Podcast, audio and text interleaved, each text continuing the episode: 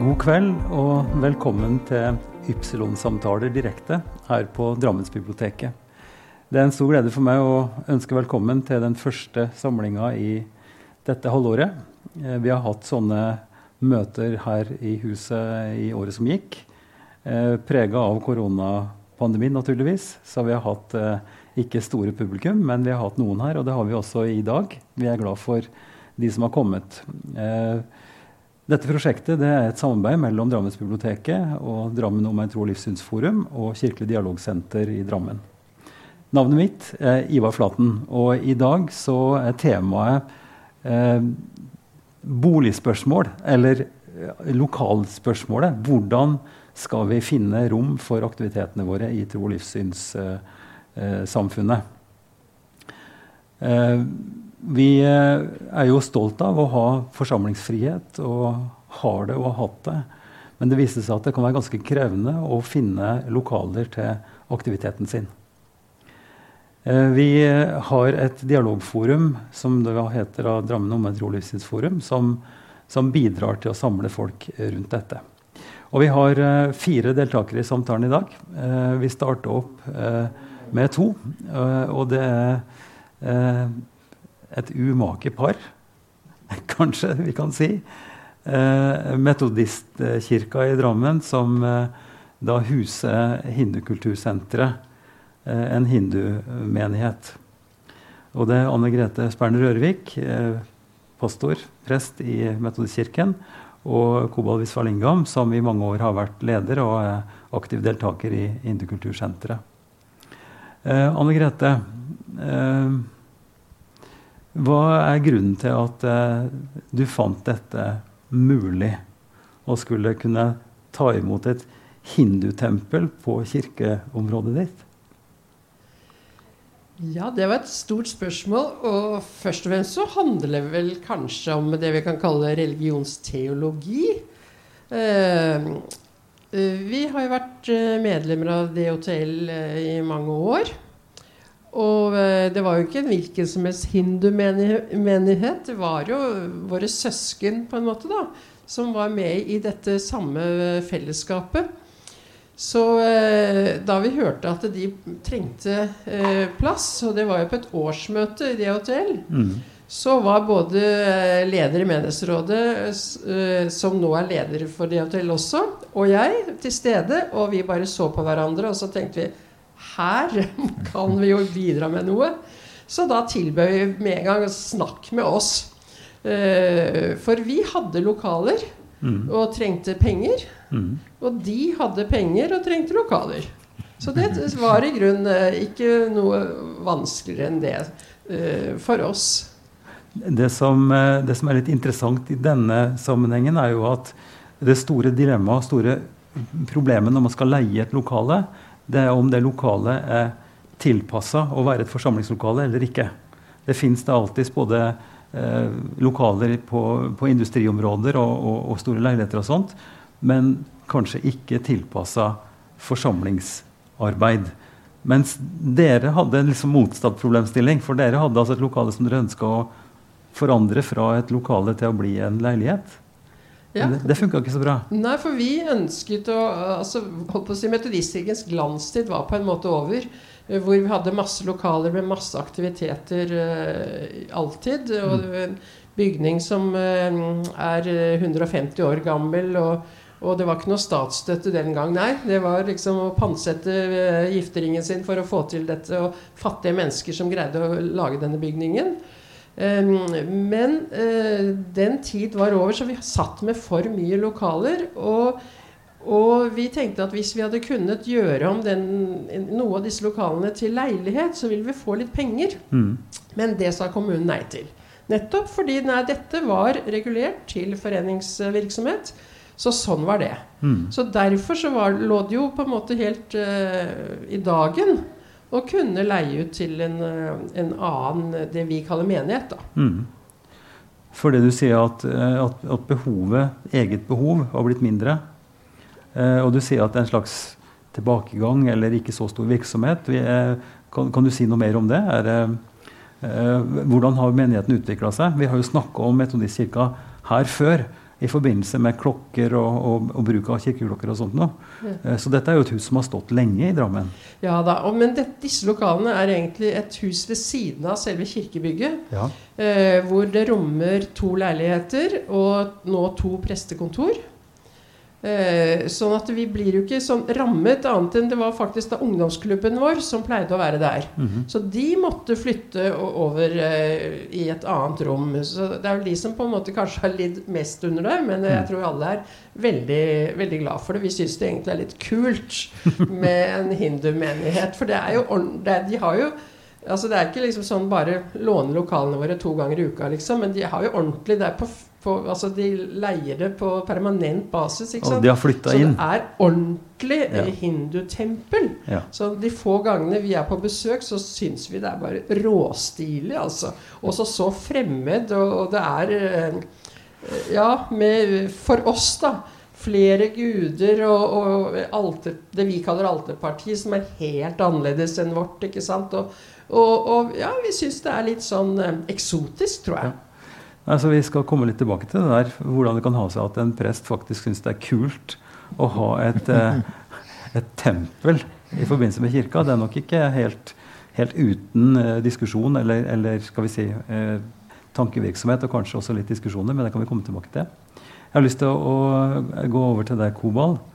Eh, på samme måte som Anne Grete og, og jeg har hatt et samarbeid i lang tid, så har vi også hatt kontakt med hverandre lenge. Eh, og det har vært et spørsmål ganske, over ganske lang tid. Dere har i grunnen flytta ganske mye fram og tilbake. Ja. Kan ikke du si litt om starten av Hindukultursenteret? Dette er en tamilsk hinduforsamling. Kan ikke du si først litt om hva eh, denne forsamlingen er, dette tempelet er for noe? Altså, jeg, jeg hører jo hindu, men i hinduismen har vi en, en sekt, Saivam. Det er det tamilsk eh, mest Tamilene tilhører jo seivisk eh, sekt da, i hindusmen. En del av En del hinduismen, av en retning. ja. Mm, mm. Så hindusmen er en stort begrep. Så, så vi, vi tamilene hører jo til Saivam. Der er jo Shiva som er store guden. Mm. Men det tempelet vi har her, er vel um, på Lear. Det er um, han med elefantgud. Det er han som er uh, hovedgud Mm. i vårt tempel her. Kan, kan du ikke si litt om uh, historien? Hvordan det starta? Hvor. Ja. lenge har dere hatt eh, dette? Så det alt startet jo i um, 2001. Så da var jo fleste som bodde på fjella. Så da var, jeg, um, da var jo en del folk som samla. Så de har jo lyst til å drive en måte religion. Altså, for å be til den måten vi har gjort hjemme vårt, og så videre. Så da var vi snakka med Fjell skole, Fjell barneskole. Der fikk vi et rom for å um, gjøre det vår aktivitet hver fredag. Pu- Kaller dere puja? Puja. Som en bønn, ikke sant? Ja. gudstjeneste? Mm. Da var det Vi tok med godsbilder. Eh, en som hadde ansvar for å ha den hjemme, og så han tar med når han kommer. Og så setter vi foran uh, et plass i klasserommet. Og sang vi. Da, det er jo den måten vi ber. Da kommer jo mange barn og mm, damer og alle, all slags folk. Og så spiser vi sammen etterpå. Det er sånn vi gjør det. Men etter hvert eh, ble jo, vi ble jo flere og flere i menigheten. Så um, Fjellskole også var jo litt eh, problematisk, for de ville ikke at eh, religiøs aktivitet skal holde i skolen. Da kom jo en del endringer der òg. Så måtte vi finne en ny lokal. Så kjøpte vi en nytt lokal på Vårveien. Jeg husker ikke nummeret, men Vårveien. Men det, det lokale var så vel eh, ikke beregnet for å ha en sånn samling lokal. Men han som kjøpte det, han som var leder før, eh, kjøpte jo det. Og så fikk vi masse klager på det, fordi vi, vi er ikke i stand til å holde. For, for dette, dette Kobal, handler om at, at både lokalene og parkeringsplass altså skal dimensjoneres til å kunne fungere som et samlingssted, som et, forsamlingslokale. og. Derfor så har kommunene sant, definert noen steder som, som egnet for dette, og huset har visse krav til å kunne være et forsamlingslokale. Så det er på en måte utfordringen i denne letingen som dere har stått i. Ja. Men eh, ja, eh, vi, det ligger jo en del feil på våre sider, så vi, vi må jo sjekke først om den lokalen er tilegnet til um, som forsamlingslokale eller ikke. Det er ikke bare løpekjøp uh, hva som helst. Det, sånt. Eh, det har vi hatt eh, veldig god erfaring. Så vi har prøvd å kjøpe en, eh, et eh, stort lokal, egentlig. Uh, Buskerudveien 72 eller noe sånt. Og så var jo Vi var jo eh, skrevet kontakt, og alt var jo Vi har jo betalt påskudd også, egentlig. Og så Jeg tok jo opp i Dottel også. eh, Vi har begynt å kjøpe der. Så Dottel sa jo klart at spørsmålet ikke om det er egnet, men det ble jo stoppet den eh, kjøp, oppkjøpet. Mm. Altså, det, heldigvis det gikk jo veldig bra, fordi vi fikk jo betalingen. Men eh, jeg husker jo en annen forening har jo hatt stort problem der for å få pengene tilbake osv. Men altså ja, vi har jo hatt mange flytting i løpet av de 20 eller ja, siden 2001 til mm. når, vi, når vi er her. Og her er vi et plass vi kan være lenge. Um, ja. Mm. Eh, Tilbake igjen til deg, Anne Grete. Eh, Når du og Martin eh, da ble enige om at dette kunne være interessant, eh, hadde dere noe eh, sånn tanke på at dette kunne bli en, en utfordring overfor deres egne menighetslemmer, menighetsmedlemmer? Jeg tror, jeg tror vi hadde snakket om den slags før, så jeg tror, vi, jeg tror vi visste på det tidspunktet at vi hadde menigheten eh, med oss. Eh, Men eh, det som ville vært For, for det var først egentlig både muslimer og hindumenigheten. Vi kaller det menighet, altså. Eh, eh, og, og muslimene de trengte et mye enda større rom. Og de ville bruke kirkerommet vårt. Og der var det Det var prematurt for menigheten. Jeg vet ikke ordentlig hvorfor, men det er andre følelser til det rommet hvor vi er stadig eh, og har gudstjenester, eh, og skulle eh, leie ut det. Mm. Vi leide det ut til en afrikansk eh, kristen menighet. Eh, men å leie det ut til en annen religion, det, der gikk det en grense i vår menighet. Mm. Foreløpig.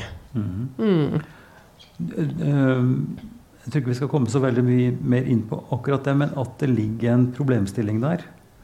Og jeg kan jo ta eksempler fra, fra Fjell kirke, fordi vi har jo også leid ut til mange ulike eh, religiøse aktiviteter.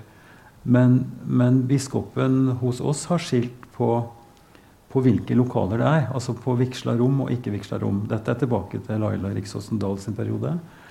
Eh, Men at vi, vi har hatt eh, bønn, eh, muslimsk gudstjeneste, altså bønn når vi brøt, fasen, har vi hatt nede, men ikke oppe. Og når de hadde behov for eh, et lokale til ramadanfeiring umiddelbart etter attentatet i, i Bærum, eh, så kontakta de oss og, og ville låne et lokale. Og da var premisset nok fra begge sider at de ville bruke et rom som ikke var et gudstjenesterom, men et, et, et annet rom. Eh, så Det er jo interessant med den distinksjonen, og man kan forstå de følelsene, kanskje argumentene også. Men når du tenker religionsteologisk som teolog, Anne Grete, eh, hva, hva, hva tenker du rundt dette? Tenker du at dette er uproblematisk, eller for din del teologisk ak akseptabelt at man eh, bruker samme rom til, til ulike religiøse grupperinger?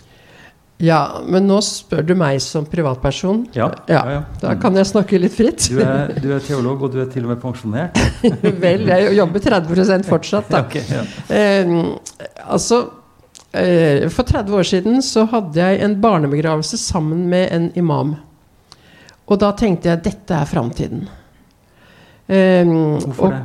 Jo, for jeg tenker at det å Altså, eh, jeg tenker at det fins bare én Gud. Og at disse ulike religionene våre, de er fattige forsøk på å sette denne guden i bås. Og si at sånn er Gud, og så lage en religion ut fra det. Altså alle, alle vi mener jo at vår egen religion er den riktigste. Og det mener jeg vi må få lov til å mene. Men jeg tenker likevel at når vi kommer over på den andre siden etter dette livet, så vil vi alle se at vi har tatt feil. At ingen av oss er i stand til å på en måte sette Gud i en boks og si 'sånn ser Gud ut'.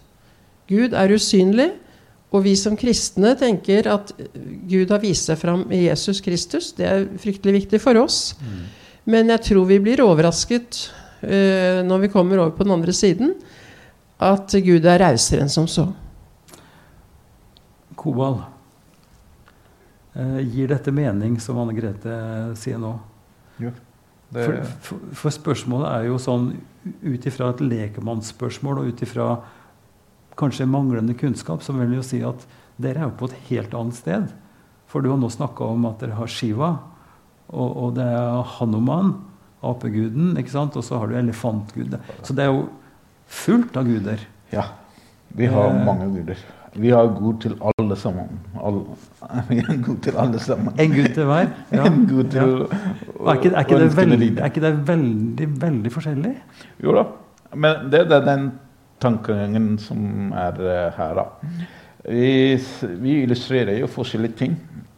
Men uh, Gud må jo være en Det må jo være en Gud. Det er ikke en god for meg. Den store makten er jo Det må være Så alle, de, de fleste religioner er jo enig at det, det, stormakten er jo en. Det, det, finnes ikke flere goder. Ja, det er sant. Det er det vi også sier. Men for å illustrere, for at jeg som menneske forstår ikke den store makten, så for å illustrere så illustrerer vi på forskjellige måter. Noen illustrerer jo på en fint, uh, fint dame eller en sånn uh, gordine. Så noen illustrerer på skiva, noen illustrerer på forskjellige ting. Så hindusmen har jo nok av guder. Så det er derfor jeg sa hindusmen er et stort begrep. Uh, mange tenker ikke gjennom når de sier 'jeg er hindu'. Mm. Da, da, da, det er veldig mye som kommer inn der. Det er kanskje li, minst like stor variasjon på det som det er innenfor kristenheten. Yeah. Eh, eller innenfor islam. Altså det er veldig mange retninger og mange forståelser. Mm. Men vil du si da at, at gude, altså alle de forskjellige gudene illustrerer forskjellige aspekter av Gud? Går det an å si det? Eh, det er det ikke sant? Jeg som mennesker Ehm, for å illustrere den store makten. Så alt er jo Gud skapt. Mm. Alt er jo god som skapte. Så ta en av den tingene som han har skapt, og illustrere den som Gud. Vi, vi, jo, vi, vi bruker jo statuer. Alt, Illustrerer forskjellige godene på statuer. Statuer er jo en stein. og Hvis du ser på den som stein, så ja, da er det stein for deg. Men jeg som ber til den som Gud, så den er god for meg. Så du kan ikke nekte at det er ikke Gud, fordi den er jo Gud som skapt. Den steinen er jo en del av Gud. Så, det, det, ligner jo litt på, på, en type mystisk eh, innstilling på at man altså Vi kaller det skaperteologi, eller at, at Gud fins i sitt skaperverk. Gud har skapt alt. Eh, vi er skapt i Guds bilde. Naturen gjenspeiler Gud. Så det er mange kanskje likhetspunkter. Men vi kan ikke gå videre på det. Men Kobal, var det problematisk, eller eh, var det mye diskusjoner innafor hindukultursenteret når en skulle gå til et sånt skritt og flytte inn i et, et kirkebygg? Um, det var ikke diskusjon. Men det som var litt problem, var hvis de ser noe um, godsbilde eller et eller annet bilde på veggen. ikke sant? Et eller annet Jesus-bilde eller et eller annet. Der reagerer de. Hvorfor har vi det her? Mm. Sånn. Men hele huset er jo hele, hele den bygget er jo, hører jo til metodisk. Men når de ser det Men noen kommer å reagere på. Men ja, det har vi kanskje snakket før eh, vi skulle ta vekk den bildet og så legge det der. Så det har vi gjort. Det har vi gjort. Mm.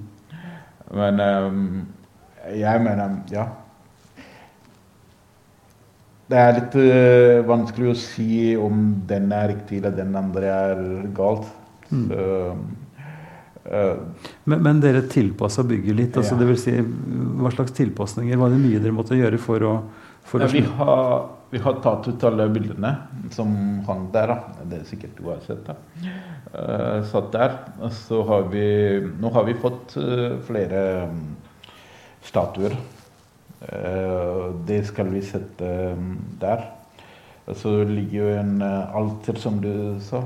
Så ligger jo der, den også. Men når, når du er en fremmed som ikke hører til deg, ikke har erfaring med hinduisme, så hvis du kommer inn, da er det mer eksotisk, som hun sier.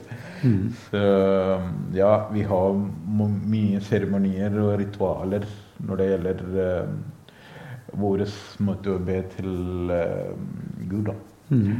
Uh, det er derfor vi mener at vi vil er sånn ideell verden, så vi kunne ha fått et fritt område.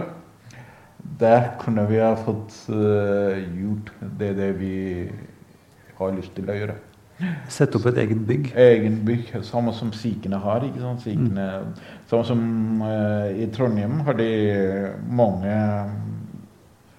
Hver menighet, eller hver religiøse, har jo sin egen eh, tomt og bygget selv, og gjør de det fint her.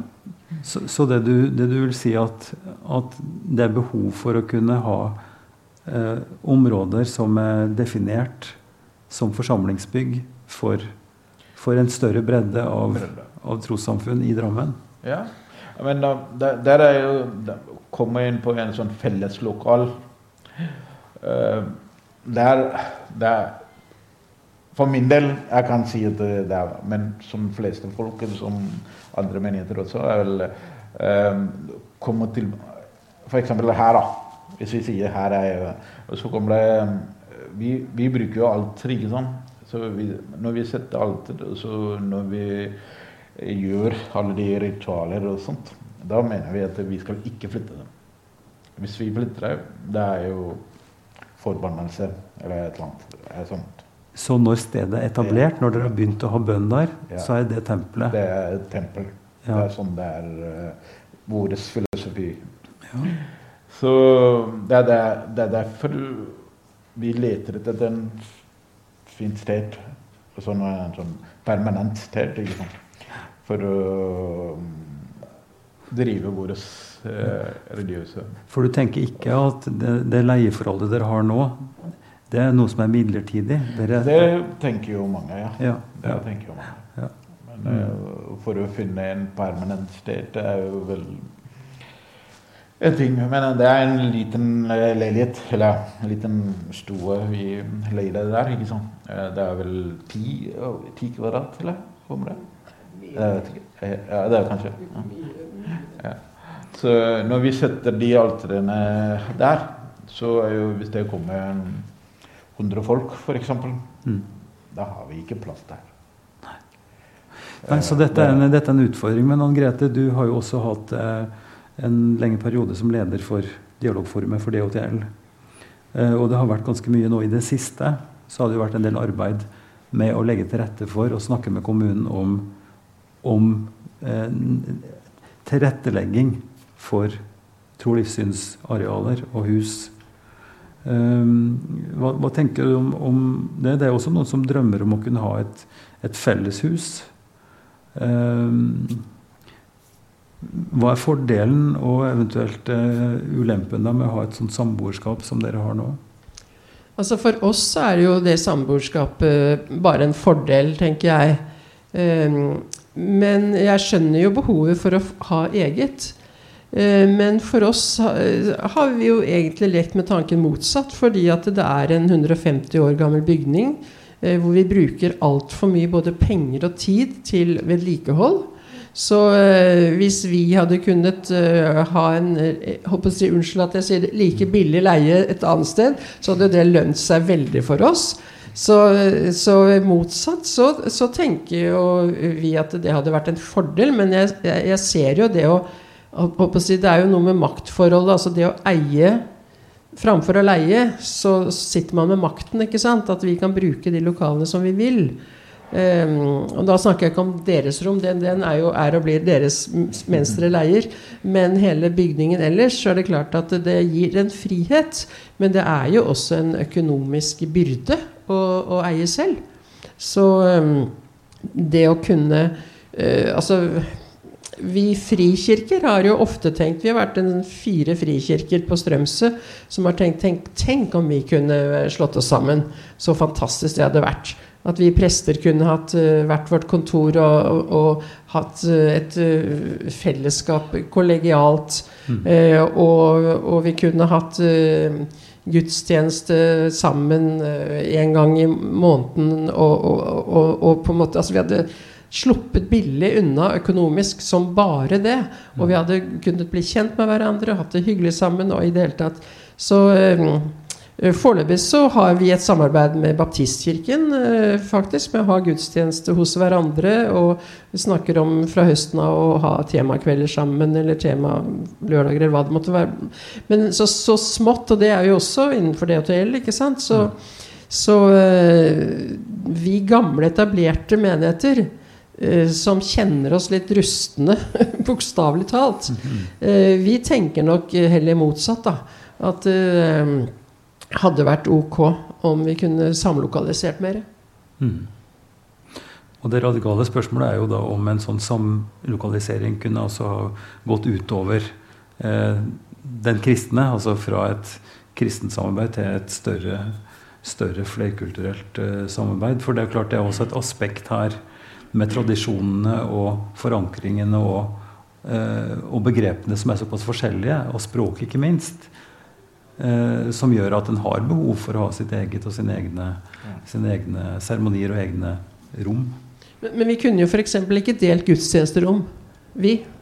Ikke sant? Men det kan man gjerne, kristne ja. menigheter sammen. Mm. Så selv om det er eh, eh både barndåp og eh, tronedåp, så i kirkerommet og forskjellig sånn, så er det likevel nok felles til at det ikke er et problem. Mm. Men, men, vi kunne jo faktisk ikke hatt kirkerommet sammen. Altså, vi, vi kunne ikke hatt gudstjenester hos dere, og dere kunne ikke hatt gudstjenester hos oss. Sånn er det bare. Mm. Ja. Men man kunne lagd en bygning hvor vi hadde altså har spart penger på å ha ulike rom. Eh, holdt på å si à la biblioteket her, og kunne tenkt at dette kunne vært et flerreligiøst rom i tillegg. Det er jo spennende tanker. Nå, nå er det gjort eh, forsøk med dette bl.a. til nabobygda her i Røyken. På Spikkestad er det jo bygd et, eh, et, kirkebygg som er både kirke og kulturarena. Eh, der er det jo et kulturhus og et kirkehus. Eh, så der er det jo også tenkt at det skal være åpent for, for andre eh, livssynsseremonier. Så det er klart, en kunne jo forfølge det. men da vil jeg si mange takk for, eh, for, tankene deres og for samtalen med dere. Og så inviterer jeg opp to nye. Så takk skal dere ha så langt. Da eh, har jeg gleden av å introdusere et nytt par. Det vil si, de er jo ikke noe par, men det er to mennesker som også har samme samarbeidsrelasjon, men på en litt annen måte. Eh, og da er det Reidar Kvinge som, som sitter her nærmest meg. Og Reidar, du er pastor i syvendedags adventstidskirken i Mjøndalen. Men eh, der har ikke dere vært så fryktelig lenge. Nei, der har vi vært uh, siden 2008. Eh, Mellom 2008 og 2013 så var det i gymsalen på Rosendal skole. Hvor uh, menigheten hadde holdt hus. Men det var jo med store forventninger, og, og de visste da at da skulle det bygges ny, ny kirke. Så det var sånn sett en veldig god periode også i gymsalen, men uh, veldig forløsende da når man kunne flytte inn. Men her snakka vi nettopp med de to forrige om, uh, om areal som er tilpassa et, et, forsamlingshus, en kirke. Eh, og du fortalte meg før vi gikk på her, at, eh, at dere møtte et veldig sjenerøst eller en veldig positiv kommune som tok imot dere og hadde tomt som dere kunne bygge på. Fortell litt om, om det. Ja, tomta hadde vi. hadde Rosendal skole. Adventistkirken hadde den fra Ja. før. Ja. Men kommunen sa flott, velkommen. Uh, vi vil bare at bygget skal være synlig. Det skal være på en måte et signalbygg. Uh, så, og så, under innvielsen, så er det at ordføreren sier at uh, nå må dere sørge for at dette får en betydning for folket i bygda. Altså at, at dere virkelig eh, evner å nå ut, ikke bare tenke på dere selv. Mm. Og det var jo en flott utfordring å få ifra, ifra ordføreren. Ja, ja. Eh, men dette var jo noe som tok tid, og dere kom fra et sted. Og dere kom fra en tradisjonell kirke. Eh, og nå må dere nesten fortelle meg litt om Rømersvei og adventistkirken der. Fortell litt om det bygget. Ja, Rømers vei 4. Eh, Adventistkirken overtok eiendommen i 1937, faktisk. Tror jeg det var. Eh, men pga. krigen og sånt, så ble ikke den bygd og innviet da før i 1957-58. Men bare for å plassere det for folk som ikke er så godt kjent, så ligger det altså like ved med Bragernes ved gravlunden der, eh, og ikke så langt fra Bragernes kirke og den katolske kirke. Så det er et ja. Så, men dere, dere begynte å ta det i bruk som kirke og innvida det på 50-tallet, sa du? Ja, 57-58. Ja. Mm. 30, 30. Nei, jeg har glemt den datoen. men det var i 1958 at det ble innvia, ja. Ja.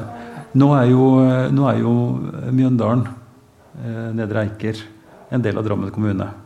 Fra 1.1.2020, var det vel? Men, eh, men nå, når dere flytta, så flytta dere til en annen kommune. Og eh, menigheten ble slått sammen i denne prosessen. Ja, det var det at menigheten det. i Drammen begynte å tenke på nye lokaler.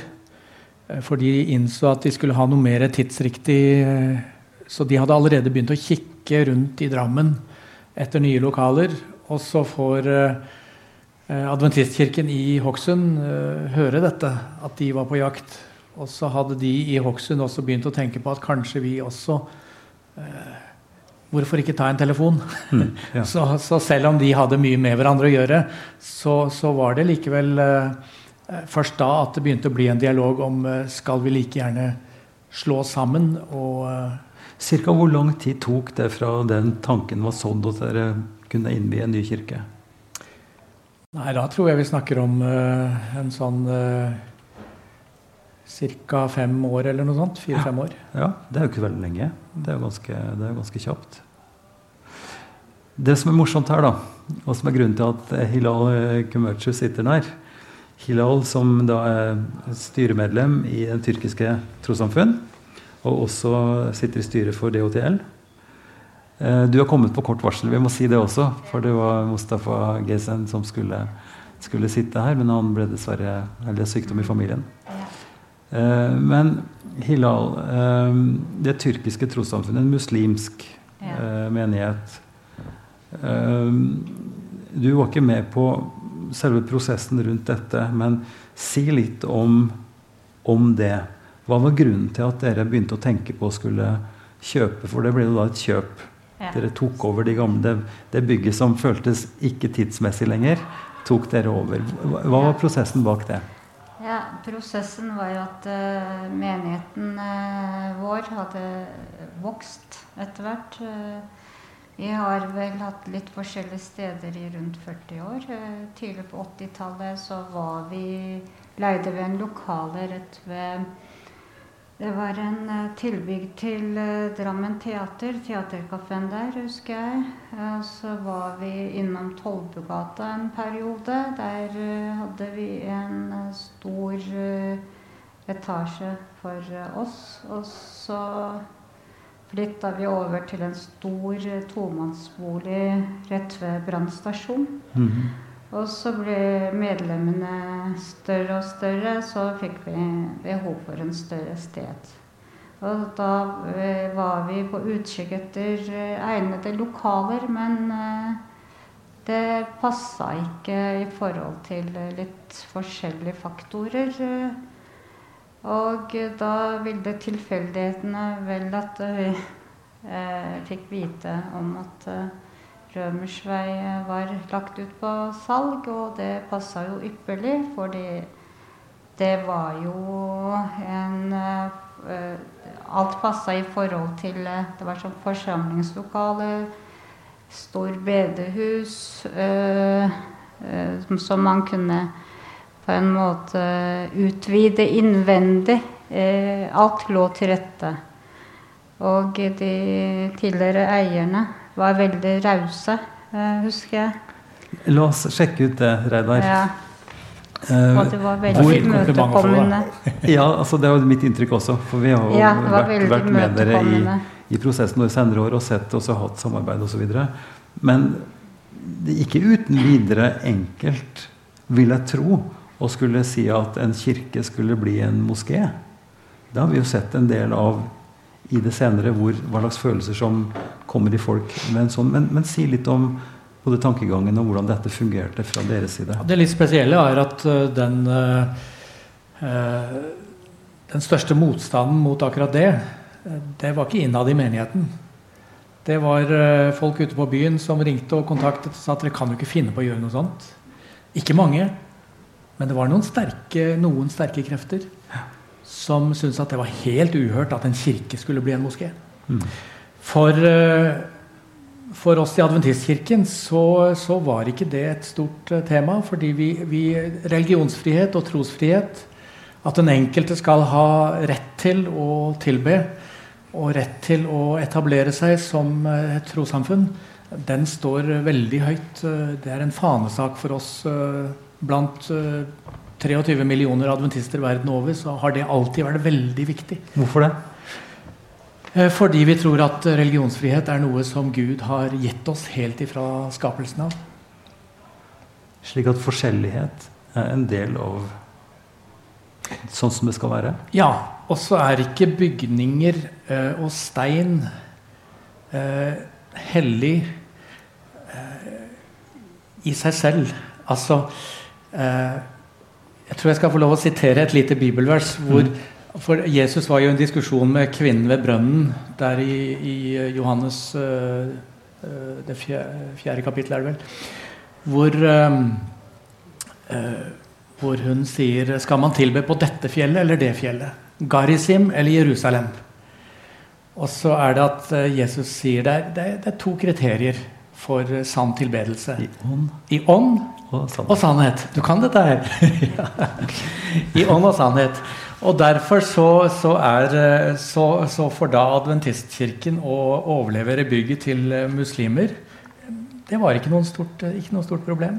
Fordi vi, vi, vi har respekt for, for deres tro, og vi har, sier at de har krav på, for å sitere et annet bibelvers, det dere vil at andre skal gjøre mot dere, ikke sant? skal dere gjøre mot dem. Eh, og det har vært da vår holdning til Jeg, jeg tror vi skrur over til Hillal før det blir enda flere. Ja da, nei, um, vi har alltid vært takknemlige for den rausheten. Uh, absolutt. Mm. Det skal vi si. Uh, Vil du si litt om hvordan følelsene var fra, fra deres side, altså fra muslimsk side, var å, å, å kunne ta over et, eh, et kristent gudshus? Det var ikke jeg, jeg kan ikke personlig huske hvis det var andre stemmer, så husker jeg ikke helt. Men det har alltid vært veldig positivt. uh, Positive tilbakemeldinger. Uh, Som sagt, dette var en gudshus også i før, på en måte. Og da var det jo mye som passa for at uh, vår moské kunne, vår menighet kunne flytte inn og eh, fortsette sin aktivitet der etter eh, at vi har eh, gjort visse forandringer i forhold til sånn moské. Eh, mm, en del er bevart fordi det er en verneverdig bygg. Eh, ytre fasader og eh, søyler og visse ting er bevart fortsatt. Eh, så det har ikke vært sånn problematisk. Det jeg hørte rykter om, var at de til og med syntes at det lille tårnet det kunne jo bli en minaret. Jeg vet ikke om det var riktig. Men. Jeg har ikke hørt noe sånt, men kanskje, nei, kanskje Mustafa vet mer om det. Men det er jo en egen, eh, en egen materie, det med minaret og Men vi har aldri og bønne- hatt en diskusjon om bønner. Nei, vi har Nei. aldri hatt en diskusjon. Nei. Og det er jo, Aldri vært aktuelt vi, vi har sittet, sittet der og, i dette rommet og snakka om det i, i november. Eh, for Mm. det var en ganske oppheta diskusjon eh, også. Eh, både internt i kirka, men også i byen, som du ser. Mange sterke stemmer som hadde sterke meninger om, Mm. om dette. Eh, men eh, Hilal, det er jo sånn at det også har vært noen rivninger internt hos dere. Ja. Eh, sånn at lokaliseringsspørsmålet som, som rir, rir oss på mange forskjellige områder, det har også dere opplevd. ja. Eh, det var mest om litt, litt drift om ledelse og styre og litt sånn forskjellig. Og så eh, ville noen av medlemmene at eh, moskeen skulle ligge nær fjell, fordi mange av også våre medlemmer bor på fjell. Men det var vel litt rift om styre og ledelse og, og litt slikt enn at uh, selveste bygget var problematisk. Uh, så da ble det slik at eh, medlemmene ble delt i to. Og de medlemmene som på en måte var fornøyd med, med lokaliseringen, de ble jo der. Og, så, og noen flytta over til Fjellsenteret. De har kjøpt Fjellsenteret og laget moske. Så du kan del- si at det er en slags eh, knoppskyting, eller én gruppering ble til to, men det er Ja, det er fremdeles Dianet, to. samme Ja, trossamfunn. ja, ja. samme- Det er, eh, det, det er eh, Dianet. Begge to Mm. er Dianet, ja. ja. Så vi, Eh, vi ble til én, men de ble til to. Sånn at her Ja. ble to adventistmenigheter til én, og Mm. kom da i det store, fine bygget i Mjøndalen. Som også har blitt et kulturbygg. En kan jo si det. altså eh, Aktiviteten der åpner for, for mye forskjellig. Kan du ikke si litt om hva dere I den grad man snakker om innvielse av et kirkebygg, så var den innvielsesbønnen veldig raus.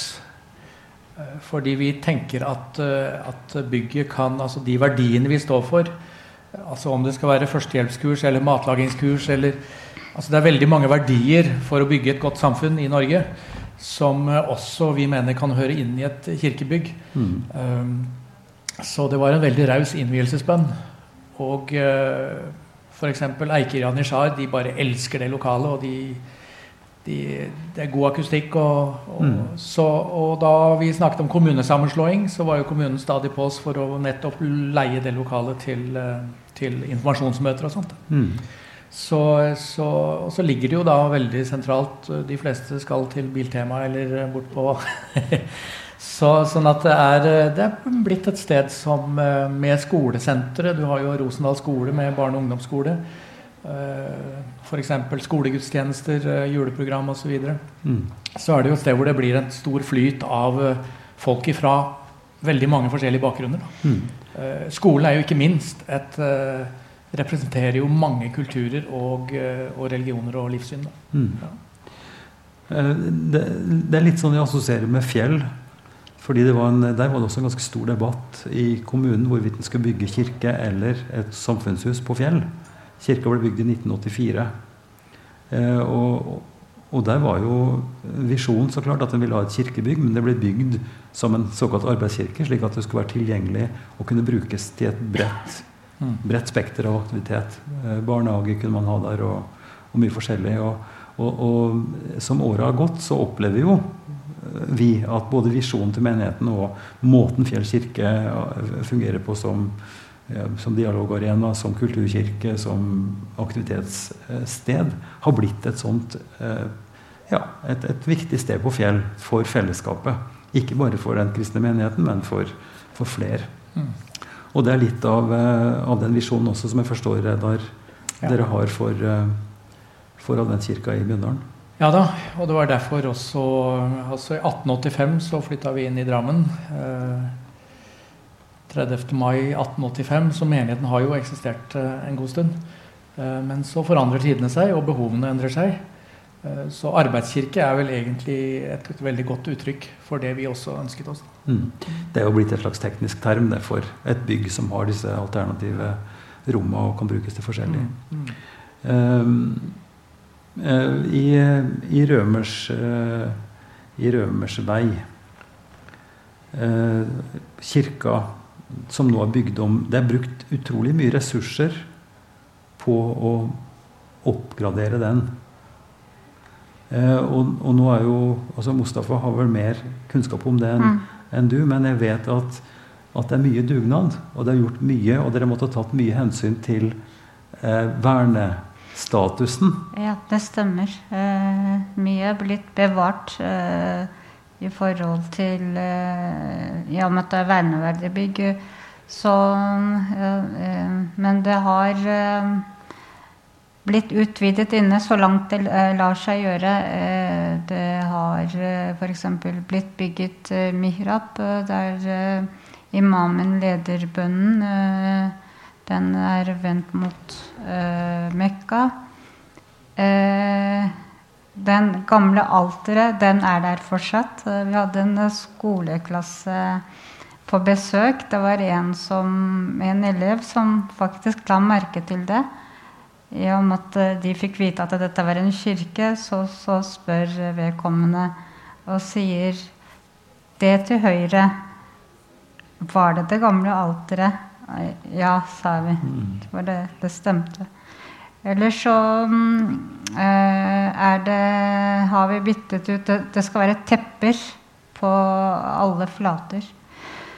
Eh, sko skal være av, og så er det ikke tillatt med bilder bilder, verdslige bilder. Ehm, eh, det er kun kalligrafi av arabisk eh, Guds navn som mm. er tillatt. Eh, og så har vi bygget Vi utvider og bygger en konferanselokale i Vi har bygget en tredje etasje. Altså en Ja, vi har mm. oppgradert en god mm. del de siste årene. For at det skal være så praktisk som mulig. Og, og, så vet vi at, at, det har vært jeg vil ikke si at det har vært krangel, men det har vært ganske mye kommunikasjon mellom moskeen og kommunen når det gjelder sånne enkle ting som internettforbindelser. Altså grave i gata, få, få, få lagt opp tekniske ting. Hvor mange, mye en kan bygge ut ja. eller ikke bygge ut i fasade. Altså det er masse sånne detaljer som er styrt veldig strengt. Så det har vært mye frustrasjon, tror jeg. Men dere har kommet det gjennom det åpenbart ja, og, og fått et veldig fint bygg, og et veldig gjestfritt bygg. Ja, absolutt. Ikke minst. Ja, vi er med i, eh, så, i forskjellige det hotell. Åpne hele rommet og eh, har tatt imot men, skoleklasser. Men også vært veldig aktive på å ta imot skoleklasser. Ja, og, det stemmer. Og, og la mm. elever fra ulike ja. alderstrinn få komme og se på moskeen. Ja, det stemmer. Så, så vi ja, eh, med i også det hotell. Mm. Eh, er med i arrangementene. Tar aktivt del der, så langt det lar seg gjøre. Jeg vet ikke, Reidar, begge to for så vidt, men i hva slags grad hadde det vært noen kommunikasjon mellom adventskirkemenigheten og, og moskeen nå i ettertid? Nå i ettertid? Eh, det tror jeg ikke jeg kan skryte så veldig mye av. Jeg har selv vært, vært der eh, to ganger uh, i løpet av uh, fire år. Mm. Så det er jo ikke sånn at jeg løper ned mm. uh, Sliter ned dørstokkene der. men det var veldig hyggelig de to gangene jeg var der. Ja, det var hyggelig å høre. Og jeg må også få berømme dere for de mange skoleelevene som er innom der. Ja. der tror jeg også mange kristne kirker har noe å lære, fordi de, de har åpnet seg veldig for skoleklasser og sånt. Ja da. Mm. De er vi har hatt uh, skoleklasser i, i, høst, og så skal vi ha nå i mars. Mm. Så vi vil gjerne, mm. gjerne bruke mer, mer, tid på dialog. Mm. Uh, så er vi også i god, god naboskap med St. Laurentius kirke, bl.a. Trond. Også, den, kat den katolske kirken, ja. Katol katolske kirken, som mm. Trond også er der. Og Trond vet jo en del også om Rømersveis historie.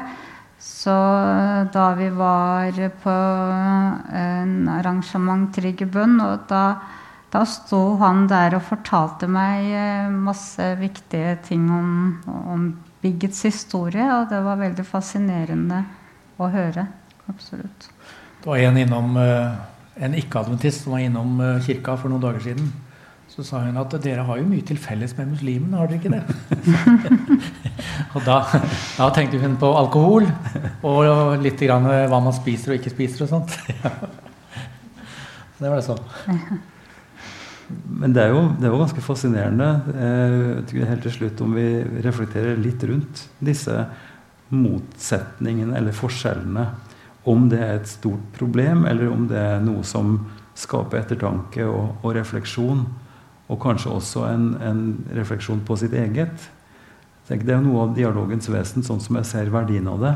At når man møter andre som har et, et tydelig verdiforankra standpunkt, en religiøs tradisjon, så blir det interessant å diskutere nettopp hva er det som, som er de store fellesområdene, og hva er det som er det kritiske i det samlivet som vi har i et samfunn som Drammen. Hvor vi er så helt avhengige av hverandre naturligvis, som medborgere. og For å få skolene våre til å fungere, og eh, bedriftene og alt mulig. Og så blir eh, det religiøse, den religiøse overbevisningen, troslivet vårt, eh, noe som som på en måte blir et, en sånn forsterkning. Eller en gjenkjennelse, eller noe som skaper, skaper trygghet på et vis. Eh, heller enn konflikt.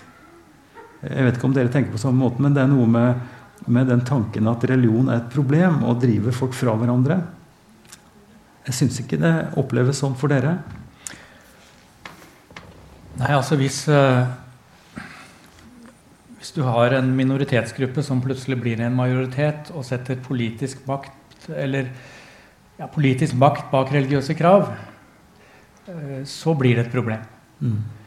Men hvis man skiller eh, stat og kirke, eller stat og religion, og man har respekt for den andres ståsted, så, så blir det egentlig bare et veldig mangfoldig samfunn.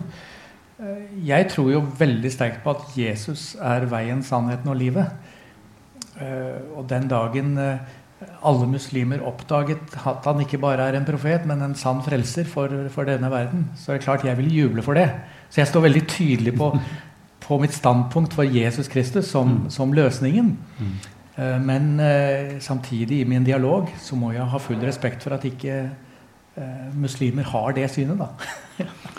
Eh, har du samme, samme tanke overfor Reidar? At uh, han skulle egentlig ha skjønt at, uh, at Mohammed-profeten er den siste, og, og har uh, egentlig svarene? Tenker du sånn? Ja, alle religioner har jo sin sannhet. som Anne Grete sa. Hun sa veldig vakkert. Det Gud er rausere enn som så. for vi respekterer og tror på Jesus, vi også. Men ikke at han er i Guds ånd, eller det det heter. Eh, så det er noen kristne, eller det er kristne som påstår at det, den ene og sanne veien til Jesus, og det er slik man blir frelst. Og i og med at vi også tror på Jesus som profet, som Guds sendebud, da har vi jo også den sjansen til å bli frelst. Da er han sikkert rausere han også. Det syns jeg er et interessant synspunkt. Men altså, hvor skal vi gjøre av Kobal da, i dette her? Altså, det, det, vi, vi, har noen utfordringer på når vi gjør absolutte sannhetskrav. ikke sant? Vi, så, det, så, det, å kunne stå trygt, sånn som du Reidar snakker om, stå trygt i sin tradisjon og vite at det jeg har lært, og det jeg prøver å formidle, det er sant, men uten at den sannheten blir ekskluderende. Altså at man kan lytte til andre og tenke at jo, men det er jo også Det fins jo en teoretisk mulighet for at det fins en større sannhet mm. enn den vi har forstått. Mm. Og for meg så ligger jo Hvis jeg skal si det på min måte, så vil jeg jo si at selve gudsbegrepet er sånn. Mm. At hvis vi kan definere og pakke Gud inn og si at sånn, sånn er det, så har vi kanskje et, et lite problem. Ja, og jeg må jo si at uh, Paulus er uh, Har jeg lyd nå? Ja, jeg tror du har ja. lyd at Paulus er utrolig raus i uh, Du vil ikke ha så mange skriftsteder, men Rom er det to. uh, fordi han snakker om de som har loven, og de som ikke har loven. Altså de Mm. som kanskje ikke har hørt om Gud, eh, men som har levd etter sin overbevisning. Mm. Han sier at det står bedre til med de enn de som eh, tror de har alt. Mm. Og som kanskje har eh, vist en liten toleranse overfor andre. Så, så det er en veldig raus Gud også i uh, Paulus sine skrifter. Mm. Nå hadde ikke jeg tenkt at vi skulle ha Paulus som, eh, som sluttplanke her, men, men jeg syns for så vidt at det er en godt, eh, en, en god, et godt statement til slutt å si noe om denne åpenheten og denne rausheten som gjør at vi faktisk også med våre forskjelligheter kan åpne opp for hverandre, også tilrettelegge for at vi kan ha steder å be slik som vi mener at det er riktig å be, og, og praktisere vår tro og vår, eh, vår overbevisning. Eh, Så jeg takker så mye også dere for eh, at dere har delt av deres erfaring og, og, og det samarbeidet som er veldig fint mellom Adventskirka og, og moskeen. Og så håper jeg også at, eh, at dere som ser på, og dere som er med her, kan være med å tenke videre på hvordan vi kan hjelpe hverandre med å finne gode løsninger på, i fellesskapet, slik at alle som har behov for det, får steder å, å dyrke sin tro og sine gudstjenester og sine fellesskap eh, uten at det skal oppleves som truende eller farlig eller destruktivt. At vi legger bort den forlegenheten og den eh, redselen for, for forskjellighet. For jeg tror som dere at nettopp dette mangfoldet er noe som er til stor verdi for oss, og som karakteriserer vårt samfunn. Ivar, Dette- kunne jeg ja. få lov å gi deg en liten blomst? Fordi jeg tror takket være det arbeidet som du har gjort, eh, så er på en måte Drammen blitt lite, en liten modell. eh, Et eksempel på hvordan dialog kan eh, lede oss veldig Lage et godt samfunn. Eh, hyggelig, hyggelig sagt. Eh, de som klapper nå, det er stort sett folk fra DOTL, Drammen Omegn Tro- Livssynsforum, eh, som er en aktiv del av dette dialogarbeidet. Og vi er mange som jobber for det. Eh, hvis dere har lyst til å, høre mer om slike samtaler, høre flere refleksjoner rundt mangfoldssamfunnet, så har vi podkasten Ypsilon-samtaler, som vi gir ut hver torsdag.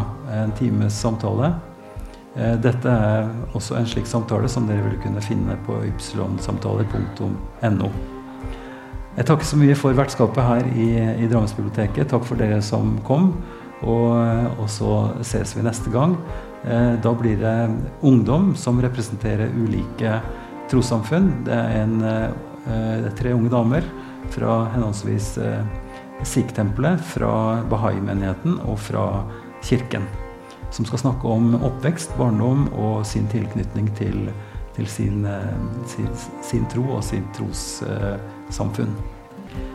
Med det, takk for i kveld. Takk for at du lyttet til Ypsilon-samtaler. Vi er støtta av eh, Drammen kommune, av Barne- og familiedepartementet og av NR Juels legat.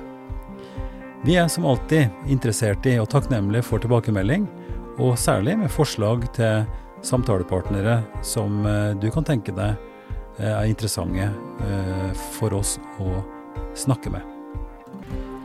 Du må gjerne sende dine innspill til Ivar, krøllalfa, kirkeligdialogsenter.no. Velkommen tilbake.